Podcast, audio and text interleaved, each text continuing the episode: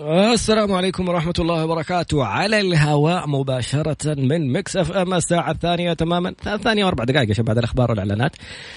وسأكلمك يا أماني بعد البرنامج مباشرة نحن على الهواء. شكرا جزيلا. أما الكتاب موضوع الكتاب اليوم موضوع جميل جدا. فالفكرة وما فيها اسم الكتاب Outliers خلينا ندخل على ال live في الإنستغرام. يا رب يكون شغال. أيوه. no no connection ندخل على الجوال. الكتاب رائع. نبدأ بالدعاء. بسم الله الرحمن الرحيم والصلاة والسلام على نبينا محمد وعلى آله وصحبه أجمعين. رب اشرح لي صدري ويسر لي أمري واحلل عقدة من لساني يفقه قولي. اللهم اجعلنا من الذين هدوا إلى الطيب من القول وهدوا إلى صراط الحميد. اللهم علمنا ما ينفعنا وانفعنا بما علمتنا وزدنا يا ربي علما. عسى أن يهديني ربي لأقرب من هذا رشدا. على الله توكلنا. ربنا آتنا الحكمة وفصل الخطاب. ربنا آتنا رحمة من عندك وعلمنا من لدنك علما. إنا إن شاء الله لمهتدون. آه كتاب رائع جدا جميل جدا.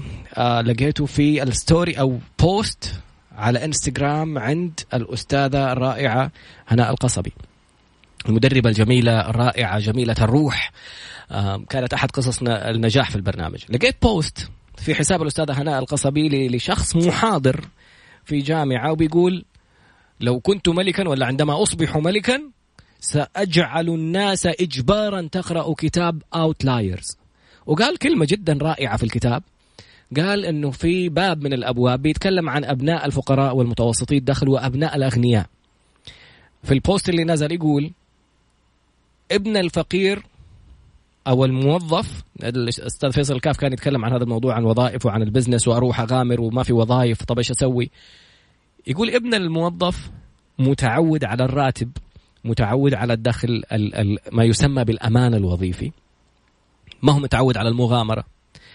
فيقول على أبسط الأمثلة كيف يتم زرع القناعات في داخل عقلية هذا الطفل ابن الموظف.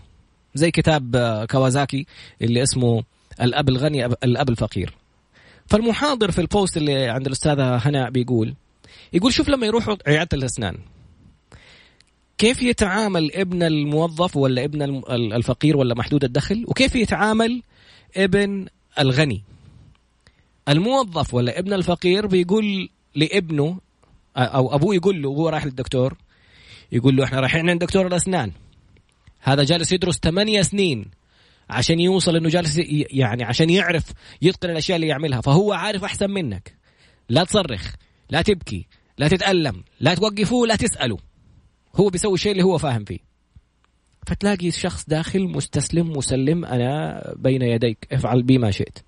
فالدكتور بيشتغل. يقول في المقابل ابن الغني إيش أبوه وأهله يفهموه قبل ما يروح لدكتور أسنان؟ يقولوا له دكتور الأسنان هذا جلس يدرس ثمانية سنين عشان يعرف يقدم لك أنت الخدمة المناسبة. هو درس وتعلم وفعل كل هذه الأشياء عشان يقدر يخدمك بطريقة كويسة.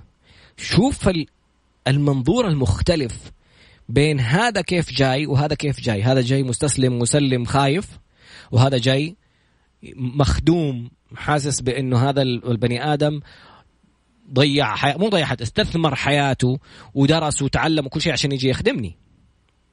يعني ما نبغى نقول هذا يتربى على كبر وهذا تربى على مد... لا لا لا. الفكرة هي هي وجهة نظر هي في قاعدة اسمها غير نظرتك للأمور تتغير الأمور بنظرك. أنت لما تكون رايح على مكان وأنت حاس إنه اللي في المكان هذا متفضل عليك أنت زي اللي مكسور.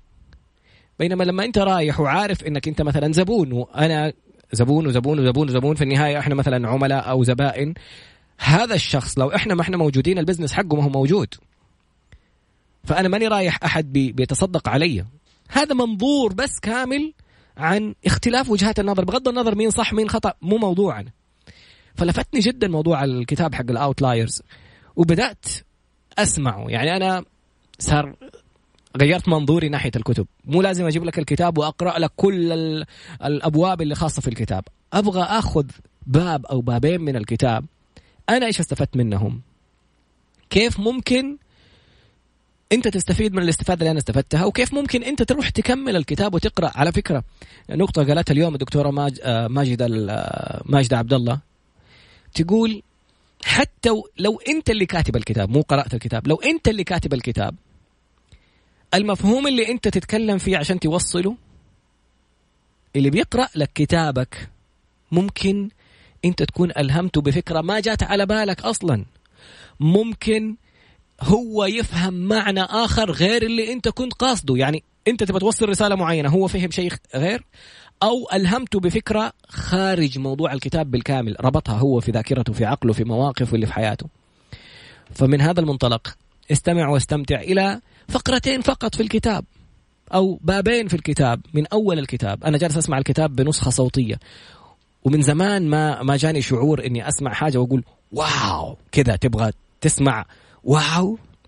انتظر الفقرات القادمة بإذن الله. استمع واستمتع. أهلا وسهلا.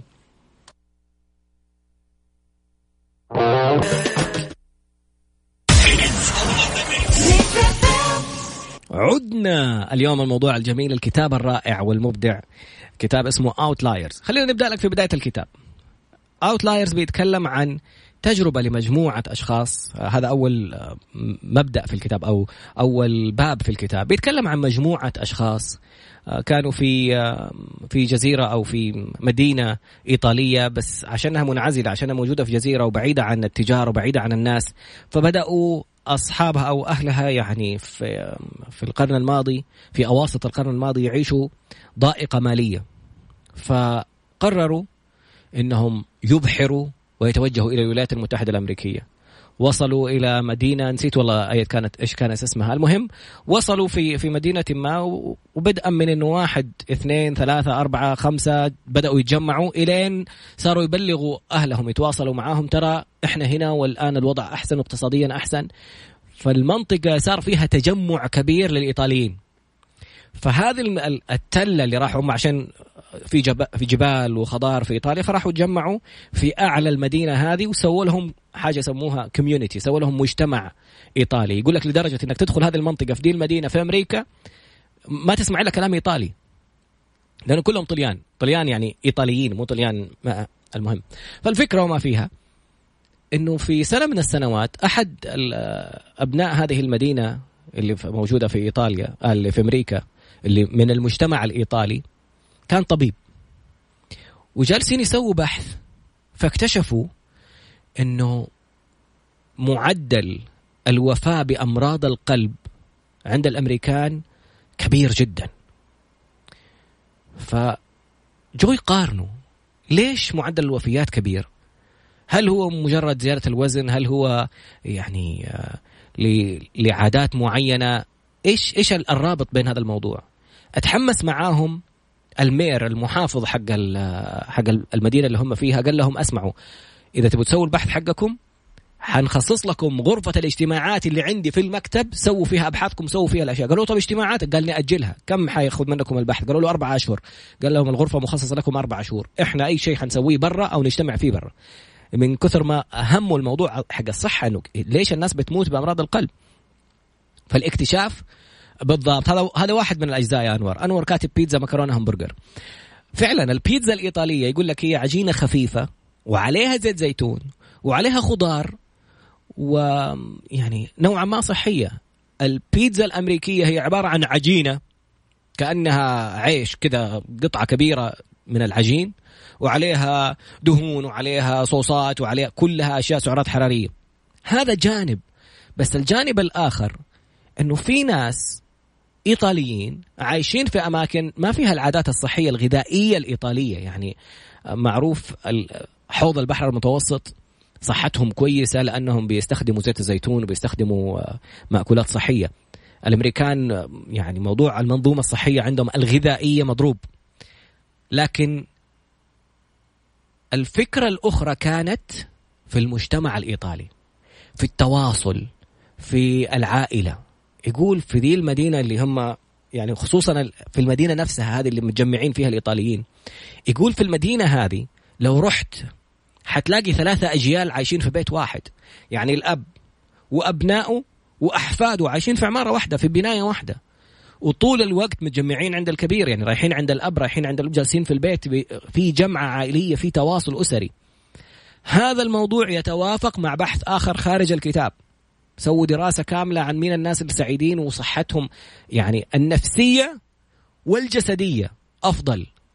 فلقيوا الناس اللي عندهم كوميونتي اللي عندهم مجتمع اللي عندهم تواصل عندهم أرحام عندهم أشخاص يتواصلوا معاهم. سبحان الله العظيم كيف ديننا مخصص لهذا الأمر؟ يعني مكافآت وتحذيرات. مكافآت للواصل وتحذيرات للقاطع. قاطع الرحم ملعون. يعني فهل عسيتم إن توليتم أن أن تفسدوا في الأرض وتقطعوا أرحامكم أولئك الذين لعنهم الله فأصمهم وأعمى أبصارهم. في المقابل من سره أن يبسط له في رزقه وينسأ له في ذكره فليصل رحمه. شوف الفرق بين الاثنين وكيف سبحان الله هذا الجانب الاجتماعي يؤثر على الصحة النفسية لأنه كيف انعكاسها على سلامة القلب. تخيل أنه أحيانا في جايبين تصوير إيش يحصل في القلب عند كسرة الخاطر. لما يقول لك الجبار اسم من أسماء الله كيف يجبر خاطر الإنسان؟ يجبر العبد يجبر الكسر. كسرتك هذه كيف ربي يجبرها؟ ربنا يحب من تخلق يقول لك تخلق بأخ بأخلاق أسماء الله وصفاته. إنك كيف تستلم الخلق؟ كيف؟ الراحمون يرحمهم الله إن الله جميل يحب الجمال. إيش الأخلاقيات؟ تبغى تكون يعني إن الله يحب المحسنين. وربنا بيكرمنا. فكيف تتخلق بأخلاق أسماء الله عز وجل؟ إيش الاسم من أسماء الله اللي تقول اليوم أنا حتخلق ب... ب... باسم الله اللطيف؟ أبغى أكون لطيف مع الناس وأبغى. فالفكرة وما فيها إنه القلب فعلا يتأثر بالانقطاع. ما أتذكر نص الحديث لو تعلمون ما أعلم من الوحدة لما سار رجل في ليل وحده. الوحدة قاتلة. المجتمع الأمريكي الابن بس يوصل له 17 18 سنة يبغى يستقل ويخرج وأبوه خلاص مو مسؤول عنه ويبغى يكون نفسه ويطلع ويعيش لوحده وينقطع عن أبوه وأمه. ممكن حتى ما يكون في بينهم تواصل. ما في الع... يعني النظام العائلي الموجود في دول أخرى. فلقي من أكثر الأشياء وجالس يربط لهم هي إنه ليش الصحة النفسية والجسدية اللي بتنعكس على على الجسد طبعا. كيف حتى تنعكس على الجسد؟ الإنسان المنقطع اللي حاس نفسه لوحده متوتر. يكون يعني التوتر هذا شفنا أمس مع دكتور أيمن سليماني كيف يأثر على القدرة الجنسية، كيف يأثر على سرعة القذف، كيف يأثر على على موضوع البروستات وعلى كل الأشياء مترابطة ينكبها التوتر. فكيف الإنسان سبحان الله في دراسة ثانية كمان اتكلمت عن العزاب والمتزوجين المتزوج مهما كان في حياته في يومه من ضغوطات في النهاية في زوجة في ابن في تحس إنك تبى تقوم عشان لازم تسوي شيء عشان هذا الإنسان اللي اللي معتمد علي اللي اللي لازم أوفر له حياة كريمة أوفر له وضع أحسن من اللي أنا فيه عشان هو يكون مرتاح. فلقيوا المتزوجين يعني أكثر استقرارا. ومن ناحية ثانية شوف حتى الحروب. ليش منعوا الزواج في أيام فالنتاين؟ فالنتاين كان قسيس اللي هو المأذون يزوج الشباب والبنات. فاكتشفوا إنه الحروب الرومانية كان عندهم وضع اقتصادي سيء فكانوا يروحوا يحاربوا عشان يفتتحوا بلدان ثانية عشان ياخذوا ثروات البلدان الثانية ويشغلوا الشباب عشان لا ينقلبوا عليهم. فكانوا مشاغلينهم بالحروب.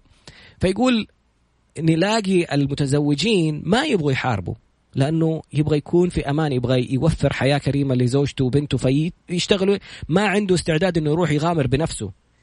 في المقابل الشخص العازب مي فارقه معه. يعني يروح يخلص يخبص يسوي أي حاجة. وشوف أغلب الأشياء الخاصة بالإرهاب تلاقيهم عزاب وشباب عندهم الحماسه يبغوا يسووا حاجة ممكن تكون نيتهم سليمة لكن توجهوا توجه خاطئ. فكل ذا الموضوع سبحان الله كيف جاي إن من تعاليم ديننا في البداية؟ موضوع الوحدة موضوع جبر الخواطر مين اللي شايفه مكسور مين شايفه متضايق كيف ممكن تواسيه أو تتكلم معاه؟ موضوع العائلة والتواصل وصلة الرحم. موضوع اليوم اللي سمعته في صلاة الفجر سبحان الله الآية ويؤثرون على أنفسهم ولو كان بهم خصاصة. كيف؟ كيف فعلا إنه أجمل حاول تتذكر أجمل لحظات السعادة في حياتك هي اللحظات اللي أنت كنت سبب سعادة للآخرين فيها. جبت لأحد حاجة عملت لشخص موقف. أتذكر ريان السقاف لما قال آه، مرة في أحد اللقاءات إنه أجمل اللحظات اللي أنا أسعد فيها لما أكون سويت لأهلي شيء وشايف سعادتهم في عيونهم بسبب شيء أنا عملته. هذا يخلينا نجي لمنطقة نحن وليس الأنا تلاقي معظم الكتب وأشياء حق تطوير الذات تتكلم عن الشخصية عن الشخص نفسه. أبغى أنا أنجح مالي فيهم مدري مين أنا الأول أنا okay أنت أول أنت يعني تعمل بنفسك على قولهم زي قاعدة الأكسجين. أنت تنفس أول حط الأكسجين حقك بعدين ساعد غيرك okay عشان بس مو انت وما بعدك الطوفان مو انت وما همك في الناس مو انت عشان يعني تكون انت الأفضل أو بعدين أحيانا النجاح اللي اللي تنسبه لنفسك وما يكون منعكس على اللي حولك يثير الغيرة والحقد والضغائن. فليش ليش أكون أناني؟ ليش أبدأ أفكر فقط في نفسي؟ فهذا الباب لوحده. كيف سبحان الله على قول أنور بيقول العطاء يجلب السعادة فعلا. أوبرا وينفري لما سوت مدرسة في جنوب إفريقيا عشان اللي ما هم قادرين يتعلموا وفتحت لهم سكن داخلي وفرت لهم أكل وشرب وتعليم. تقول كنت أظن إني أنا اللي بعطيهم لكن اللي أنا اخذته من سعادة في المقابل أكبر بكبير من يعني أكثر بكثير من أي شيء أنا أعطيته أو قدمته. في النهاية إيش؟ قدمت مال أنا لاقيه أرواح لاقيه ناس تغيرت لاقيه قصص نجاح بتصير بعد فضل الله من الشيء اللي هي سوته. فكيف سبحان الله العظيم إحساس على قول خلود لذة العطاء؟ كيف فعلا لما تعطي الشعور أجمل بكثير من إنك أنت تاخذ ولا تكون حققت حاجة؟ هذا أول باب. سلوى تقول مرة أهدت صديقتها حاجة بكت من السعادة. من اللي بكت أنت ولا صديقتك. ففعلا يعني فكر في أجمل لحظات حياتك تلاقي أغلبها أو غالبا يعني معظم الناس لما سألت في في جلسات ال coaching لما أسأل الأشخاص عشان أبغى أعرف إيش إيش المواقف السعادة حقتهم عشان أعرف كيف أحطهم فيها مرة ثانية أو كيف نعيد الأسباب حقتها. ولا أحد literally ولا أحد منهم قال إنه لما حقق شيء شخصي. كل مواقف السعادة في كل جلسات ال coaching اللي جربناها كانت لمواقف كانوا سعداء مع آخرين، سعداء إنهم ساهموا في سعادة الآخرين، سعداء في حاجة شاركوها الآخرين، هذه أحلى أحلى لحظات السعادة. فأول باب إيش فكرة الكتاب أصلا ليش مسميه Outliers؟ Outliers هم الأشخاص اللي حققوا إنجاز مختلف عن الآخرين. الباب القادم رائع جميل جدا ممتع يقول فيه بس اديك العنوان إنه دائما لما نسمع قصص النجاح هذا اللي كان ما هو لاقي ياكل وما هو مدري إيش وكيف وتحطم القيود وكسر المدري مين ووصل إلى الإنجاز. عنده ثلاث خطوات في الباب القادم خلتني أقول واو إيش المفاجأة إيش بيقول البني آدم من فين؟ أول ما سمعت التعبير اللي ح... الأرقام اللي أعطيك إياها في الفقرة القادمة قلت يا أبوي بينجم ده ولا بس لما شرح التفاصيل خلاني أقول حقيقي واو. يعني أنا يعني أنت يعني أنت كلنا بإمكاننا نكون أفضل شيء ممكن في الحياة. بعد قليل استمع واستمتع وشوف المفاجأة الجميلة اللي استنتجوها بعد ما ساعدته زوجته. بس لاحظت ملاحظة شوف النساء قوة الملاحظة عندهم. زوجته لاحظت ملاحظة في فريق الهوكي حق الجليد في كندا. إيه هي الملاحظة؟ وكيف انعكاسها عليك؟ أنا هذا الباب اللي حوقف عنده هو الباب اللي حتكلم فيه لين نهاية الحلقة بإذن الله. بعد قليل إن شاء الله أستمع وأستمتع. وقت الزحمة ورايح للبيت. الممتع اليوم يعني خلينا جمال الرسائل بصراحة ماني قادر أعدي الموضوع حق الرسائل. كلام اليوم كنت أفكر فيه في الصباح. سبحان الله يعني يا رب يا رب اجعلنا رسالة خلقك إليك. يعني إنه الأشياء اللي ربنا بيوصلها للناس إحنا نكون سبب في في إيصالها. آه طاقة إيجابية شكرا يا إلهام الله يسعدك. كلماتك الطاقه الإيجابية. ما شاء الله تبارك الرحمن شكرا جزيلا. غدي تقول يا رب. تخرج الدكتورة بسرعة عشان أسمع كويس. فاهلا وسهلا غدي شكرا على التعليق الجميل. من ماليزيا آه، ناناس تقول تحية لك ولأهل السعودية. شكرا جزيلا يا الناس الله يسعدك يا رب. الرسالة المهمة والجميلة. آه، خبيب الله يسعدك. اكتب لي في رسالتك أرسل لنا على الواتساب. خبيب يقول إنه عنده تعليق على الوحدة. اكتب لي يا خبيب الله يسعدك. ما عندنا اتصال في وقت البرنامج. الزول خلف الله يقول أكثر ما يجعلني سعيدا هو أن أقدم اقصى ما أستطيع من عملي في اجتهاد وإبداع. أبحث عن المثالية في كل شيء في حياتي. يعني خلينا نقول أبغى أكون المثال اللي يحتذى به. أبغى أكون مضرب المثل لما أسوي شيء. أبغى الناس يقولوا زي خلف الله. آه النقطة الثانية المهمة اليوم كان في أحد الاتصالات آه شاب يقول لي إنه والده زعلان منه إنه قال له أسلوبك معايا مو عاجبني. فلفتتني الكلمة جدا. قلت له ليش؟ قال لي كان نفسي أقول له إنه أبوي أنا كمان ما بسمع منك أي كلمة طيبة. إنه نفسي بس تقول أي حاجة بطريقة جميلة. عس يقول لي صرت نوعا ما متهرب من تواجدي أمامه من كثر ما كلماته كلها انتقاد. فهنا نقول هو زعلان من والده عشان هذه النقطة ووالده زعلان منه عشان نفس النقطة. مين يبدأ؟ أنت المحتاج. يعني هذه رسالة أوجهها لنفسي وأوجهها لك وأوجهها لأي شخص جالس يسمع الآن. لا تنتظر أن تتغير تصرفات والدك أو والدتك قبل ما تتغير تصرفاتك أنت. لله المثل الأعلى. ربنا إيش يقول؟ إن تقرب إلي إن, إن أتاني ماشيا أتيته هرولا إن تقرب إلي شبرا تقربت إليه باعا وإن تقرب إلي باعا تقربت إليه ذراعا وإن أتاني ماشيا أتيته هرولا لله المثل الأعلى. هذا المثال ينطبق مو بس في علاقتنا في الله في علاقتنا مع كل شيء نبغى نعمله. مع والديك أنت لازم تأخذ الخطوة الأولى. أنت اللي تتعدل عشان تجيك الرد منهم. مو تستنى أبوك يتعدل عشان طال عمرك أنت ترضى عشان تبى تسوي الحاجة. ففي العمل تعال شوف أي شخص جاي يستشيرك كان يتكلم في مجال الاستشارات ولا في جلسات ال coaching ولا شيء.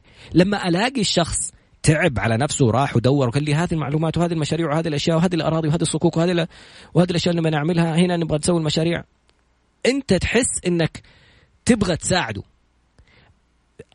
في طبيعة البشر يقول لك إنه نحن ميالون لمساعدة من ساعدوا أنفسهم.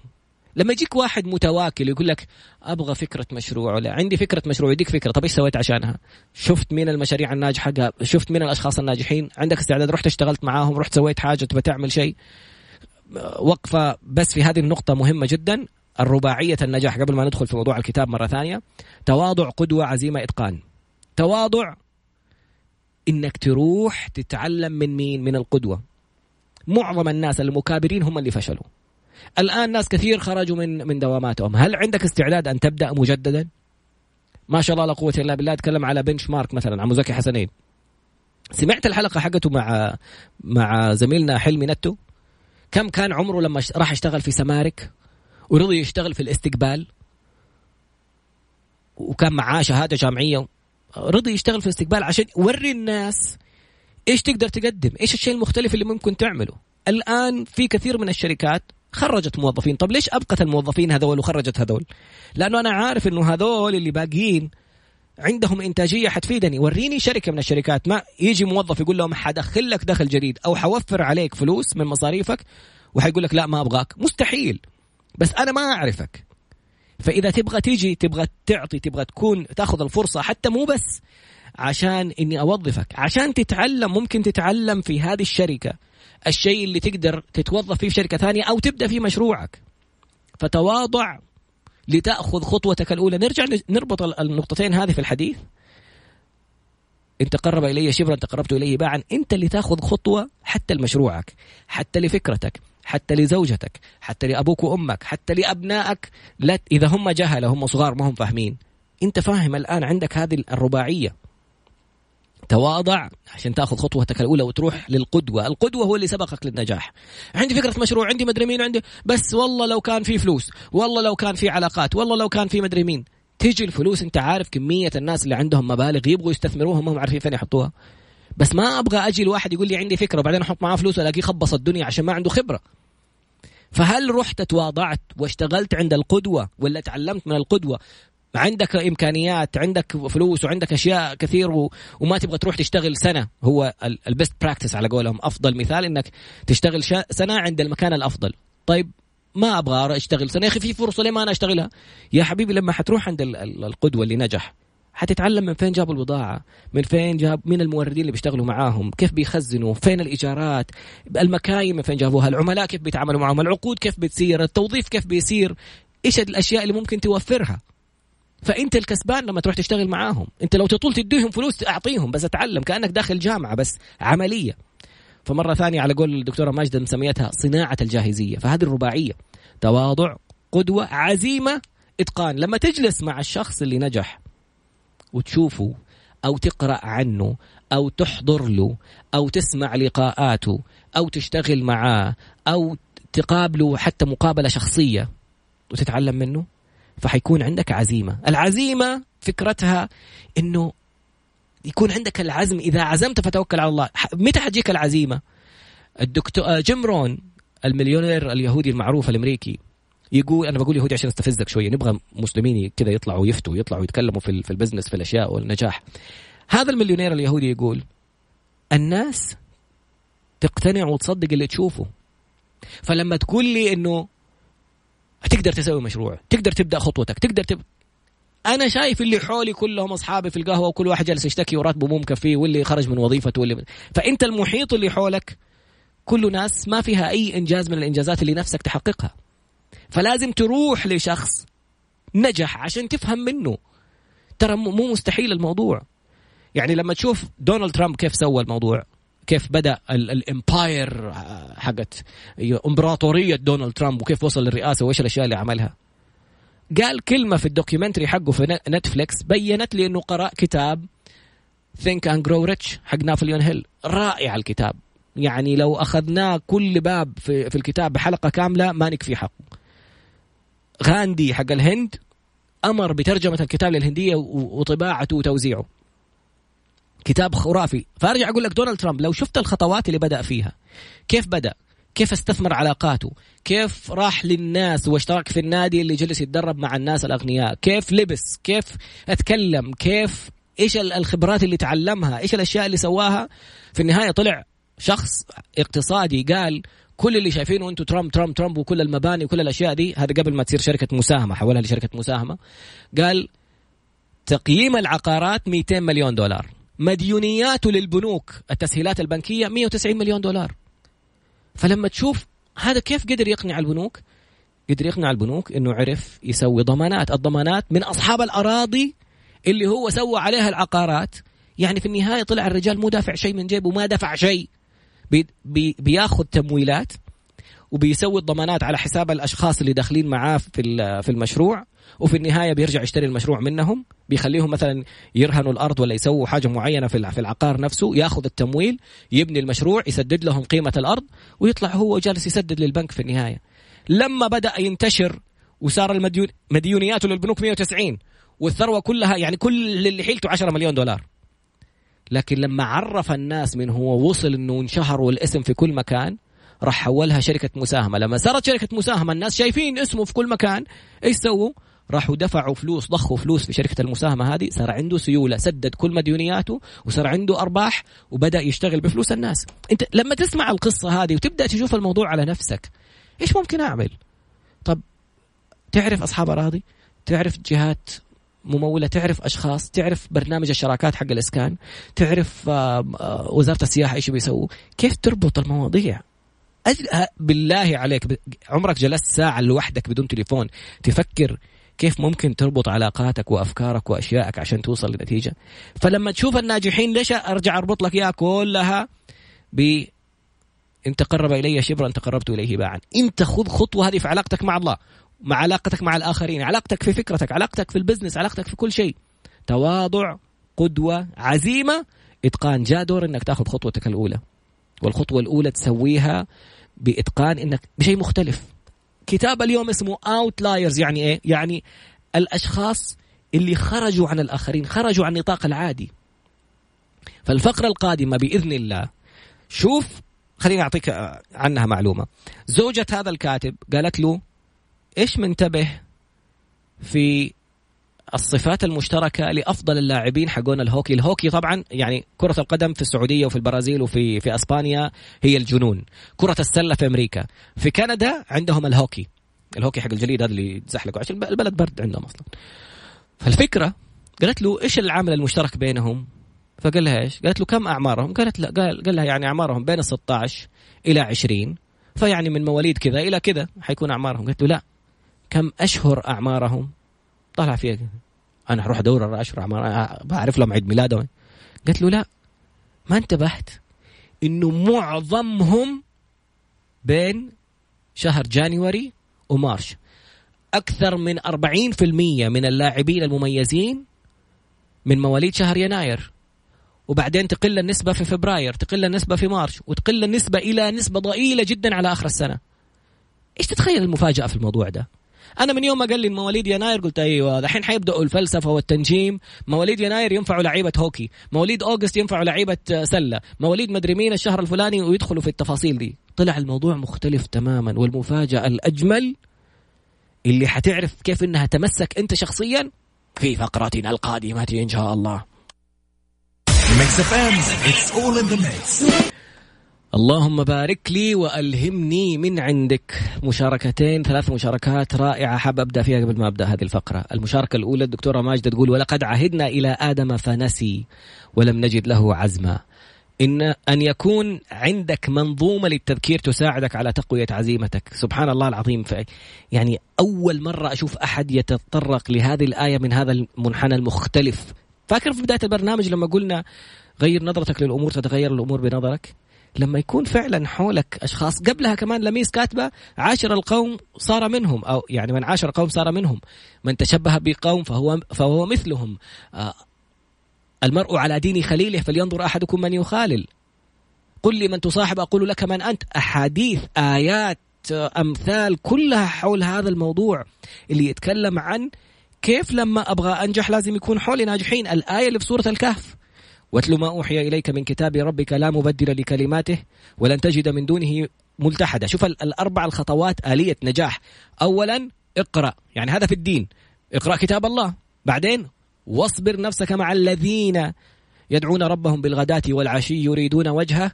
ولا تعد عيناك عنهم تريد زينة الحياة الدنيا. ولا تطع من أغفلنا قلبه عن ذكرنا واتبع هواه فكان أمره فرطا. وكان أمره فرطا. فالنقطة الثانية الصحبة اللي تلتزم معاهم تصبر نفسك. يعني في ضغوطات في مشتتات في ملهيات. حتلاقي ناس يقول لك كثير تحت الدنيا في ناس يبغى يسحبك لمكان ثاني. كيف تصبر نفسك مع المجموعة اللي حولك هذه؟ بعدها إيش الآية الأخيرة؟ آه إنك تعلم إنك تلقي إنك تتكلم. إيش كانت؟ قلنا واصبر نفسك مع الذين يدعون ربهم بالغداة والعشي يريدون وجهه. ولا تعد عيناك عنهم تريد زينة الحياة الدنيا. ولا تطع من أغفلنا قلبه عن ذكرنا. واتبع هواه وكان أمره فرطا وقل جاء دور إنك تتكلم. شوف تلاوة قراءة أسباب النجاح. هذا في المجال الديني. اقرأ آيات الله. وفي كل المجالات. ولقد صرفنا في هذا القرآن من كل مثل. يعني ما ذاك إن شاء الله تكون نص الآية قلتها صحيح. في في القرآن كل الأمثال. في التجارة في التربية في في القيادة في في الرحمة في كل حاجة. لكن مرة ثانية خلينا نأخذها على واقعنا. اقرأ في الأسرة. واجلس مع الناس اللي مهتمين في هذا المجال. واصبر نفسك. لا تجلس تسمع لي من أشخاص مخبصين علاقاتهم ويجلس يقول لك سيبها أسحب عليها ما أدري إيش تسوي. وتسمع لأشخاص غلط. بعدين علم الناس اللي انت تعلمته. وأنا جالس أقول للدكتورة ماجدة عندها أساليب تربوية رائعة الله يحميها. أقول لها ارجوك اكتبي وعلم الناس هذه الأشياء. فمرة ثانية اتلو اصبر نفسك مع وقل. ثلاثية رائعة في إنك تتقن هذا الموضوع. رسالة ثانية من خبيب حبيبي اسمك جدا جميل ومشاركتك ما شاء الله عليك أجمل. يقول حبيبي أنا بس حبيت أوضح لك أغلب المعلمين الروحانيين مثل أوشو وغارنيش وغيرهم اللي يوفقوا بين تعاليم التأمل بين كل الأديان سبحان الله التأمل يعني والتفكر هذه من الأشياء اللي تغذي روحك.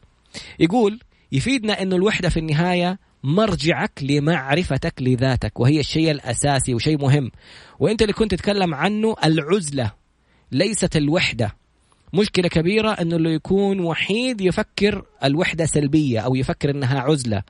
الوحدة حالة إيجابية وسلاح قوي إذا الشخص فهمه. العزلة عكسها تماما واللي هو موضوعك. أنا أتفق معك في الفكرة يا أستاذ خبيب وأختلف معك في المسمى. ليش؟ أنا أقول العزلة هي الإيجابية الوحدة هي السلبية. وخلينا نجيبها بالقرآن. فلما اعتزلهم وما يعبدون من دون الله وهبنا له. وشوف الهبات اللي جات بعد العزلة. النقطة الثانية هذه الاعتزال الناس السلبية أو الناس. العزلة اللي بتصير ما هي وحدة. العزلة اللي بيحط الإنسان نفسه فيها ينعزل عن العالم عشان يتفكر عشان يتأمل. النبي عليه الصلاة والسلام كان كل رمضان ما قبل البعثة يطلع يعتكف في في غار حراء. إلى السنة حقت البعثة صار يطلع أكثر من مرة خلال السنة. ينزل ياخذ أكله ويرجع. ما هي وحدة؟ أنا ماني وحيد. الوحيد اللي جالس لوحده ما عنده أحد يتصل معه. المنعزل متفكر على قولك التفكير الإيجابي. فأنا معاك في المعنى معاك في الفكرة الرائعة اللي تكلمت عنها. يمكن الاختلاف عندنا في المسميات. أنا من من من تعريف القرآن للعزلة هي الشيء الإيجابي. إني أنعزل أنت تقدر تنعزل في بيتك في غرفتك. خذ لك ساعة ونص عزلة بس تفكر في شيء أنت تبغى توصل له في مشكلة تبغى تحلها. فهذه النقطة ويقول في النهاية كان ودي إنه يكون الموضوع أقدر أوضحه بطريقة مختصرة لكن لا يفوتك كتاب أوشو أسرار الحياة. ضروري تقرأه بأقرب وقت وحتدعي لي. بإذن الله بإذن الله يا خبيب ناخذه إن شاء الله الأسبوع القادم. مرة حمستني على الكتاب. شكرا جزيلا على المشاركتين الجميلة. حنوقف في آخر فقرة في الفقرة القادمة ونرجع إلى موضوع إيش سر إنه المتميزين في هوكي الجليد في كندا هم من مواليد يناير؟ فبراير ومارش أكبر نسبة من الناجحين فيهم في في آه، يناير بداية السنة وليش لعيبة كرة السلة الأكثر تميزا مواليد أوغست مواليد شهر أغسطس شهر ثمانية وليش أكثر اللاعبين الكرة في ماني فاكر فين في أوروبا من مواليد سبتمبر إيش الف... إيش سر المواضيع؟ هل لها دخل في السنة وفي التقويم وفي ال... في القدرات وال... والأبراج أم هناك معنى آخر تماما ستتفاجأ؟ لا لا لا مش كواكب يا لميس. شوف الفقرة القادمة كيف حتعرف منها معلومة وبإذن الله حربط لك هي ببحث أو بقصة أخرى تتفاجأ منها في الفقرة القادمة بإذن الله.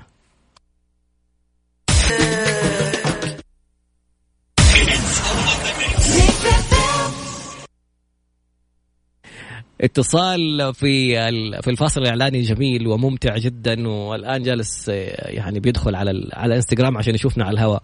شكرا. مكتب العمل. شكرا وزارة العمل. شكرا.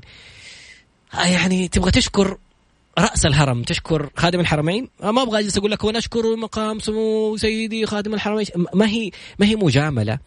المتابعة اللي سايرة في الوقت الحالي رائعة. ففعلا شكرا خادم الحرمين شكرا ولي العهد شكرا وزير العمل شكرا مكتب العمل شكرا وزارة العمل. اللي حصل. إنه الآن الشركة خلينا جالسين نطلع أسرار في العمل بعدين ندخل سريعا في الكتاب عشان الاتصال هذا. إحنا في نعمة والله. فاللي حصل إنه الشركة المالكة لمكسف إم فتحت نشاط خاص بالإذاعة أو سجل خاص بالإذاعة فاللي كانوا مسجلين في البداية على السجل الرئيسي يبغوا ينقلوهم. فاللي حصل إنه شالوني من التأمينات الاجتماعية من الشركة الرئيسية عشان ينقلوني على الشركة الثانية الخاصه بالإذاعة. فإيش اللي حصل؟ لما شالوني على طول آه، جاتني رسالة من آه، من التأمينات الاجتماعية إنه أنت الآن مرشح لساند بس أنا ماني ماني ما تركت الوظيفة فمرشح لساند. واتصلوا عليهم على مدير ال HR في الشركة. كيف تفصلوا على كاتبين إعادة هيكلة؟ هذه إعادة الهيكلة لازم لها موافقة أصلا من مكتب العمل عشان تقدر تفصل موظفين وما يحق لك تفصل موظفين. قالوا لا لا بس ننقله من اسم شركة لاسم شركة ثانية. قال يوقع استقالة من هذه الشركة ويروح على الشركة الثانية فاليوم وقعت الاستقالة من الشركة الرئيسية عشان ينقلوني على السجل الخاص بمكسف ام. الجميل إنه الموضوع مو بس يتابعوا في الشركة يتابعوا الموظف نفسه ويجيك الاتصال. وما رديت في بداية الحلقة ويجيك اتصال ثاني عشان يقول لك أنت صحيح قدمت استقالتك؟ فوالله ما أعرف ماني عارف كيف أعبر عن ما يعرف مين أنا بس قلت له إنه إحنا على الهواء وقال بيدخل يتابعنا مباشرة فشكرا. يا أخي إحساس انك إنك مهم وانه إنه أنت ك ك كموظف كمواطن كمقيم كأي شيء في الحياة مهم إحساس جميل. خليني أعطيك ما دام الخبر الإيجابي هذا الجميل خليني أعطيك خبر إيجابي ثاني لرجل أعمال اجتمعت معه قبل البرنامج مباشرة. لقيته بيضحي ب... بعقار في موقع خرافي وقال لي أنا ممكن أرجع أشتري العقار هذا مرة ثانية قلت له طب ليش تبي تبيعه؟ قال لي أسمع الرسالة هذه. موظف من موظفيه بيقول له يا شيخ والله أنا زوجتي في في موقف وحتصير لها مشكلة لو ما قدرت أسدد لها. بس أبغى حقوقي. قال لي هذه الرسالة ما خلتني أنام. فلما يا أخي والله الحمد لله إحنا بخير. أقسم بالله شعور كذا لما تحسه يعني كذا تفرح. في ناس لسه خايفة على حقوق الناس في ناس ما بتاكل حق أحد في ناس تبغى الخير لغيرها في ناس تتمنى لك السعادة. نتابع الموضوع حق الكتاب والكتاب رائع رائع رائع. وشكرا للأستاذة هناء الخصبي اللي حطت مقطع من الكتاب. نرجع بسرعة نكمل باقي لنا كم؟ سبع ست دقائق. اسمعني ركز معي الله يسعدك. اليوم آه، صاحب الكتاب أو كاتب الكتاب يقول كانوا جالسين زوجته بتقول له إيش ملاحظ على أعمار لاعبين الهوكي حق الجليد الخاصين اللي موجودين هنا. مين أفضلهم؟ فاكتشف إنه كل اللي موجودين أغلبهم شهر يناير أقل نسبة شهر فبراير أقل نسبة شهر مارس. يعني شهر واحد شهر اثنين شهر ثلاثة. فإيش الاكتشاف اللي اكتشفوه؟ في المقابل لاعبين كرة السلة في أمريكا شهر ثمانية لاعبين كرة القدم في في أوروبا شهر تسعة.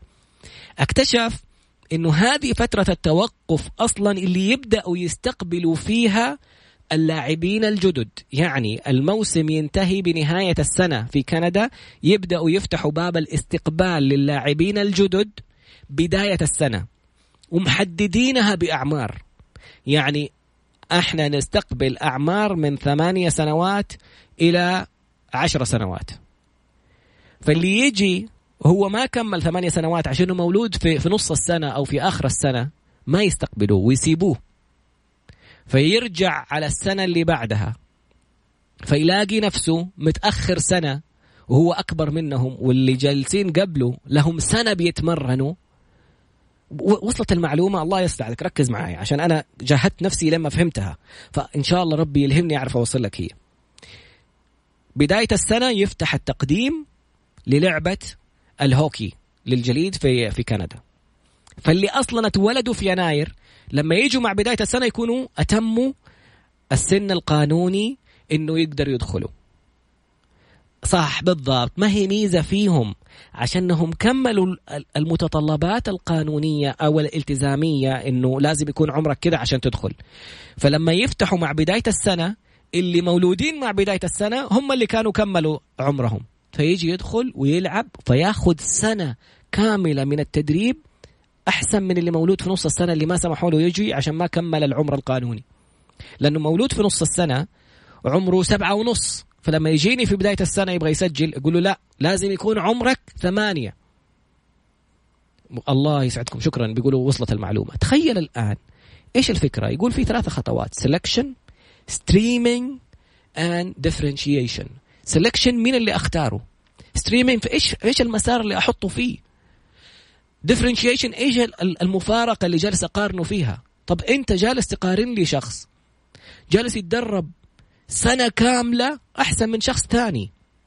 فلما يجي الشخص الثاني وأقول اللي أعمارهم ثمانية سنوات يجوا هنا وهذا جالس يدربه سنة وهذاك مولود بعده بستة شهور ما رضيت تقبله وسبته سنة ونص كاملة.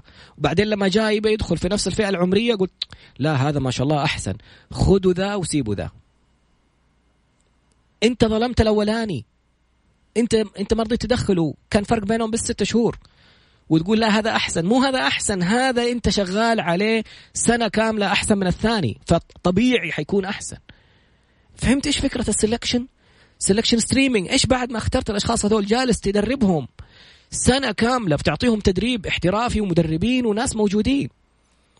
فهو أكيد تقدم على الأشخاص اللي هم أصغر منه بستة شهور بس لمجرد إنه مولود في يناير. في المقابل متى يوقف الدوري في أمريكا؟ في August.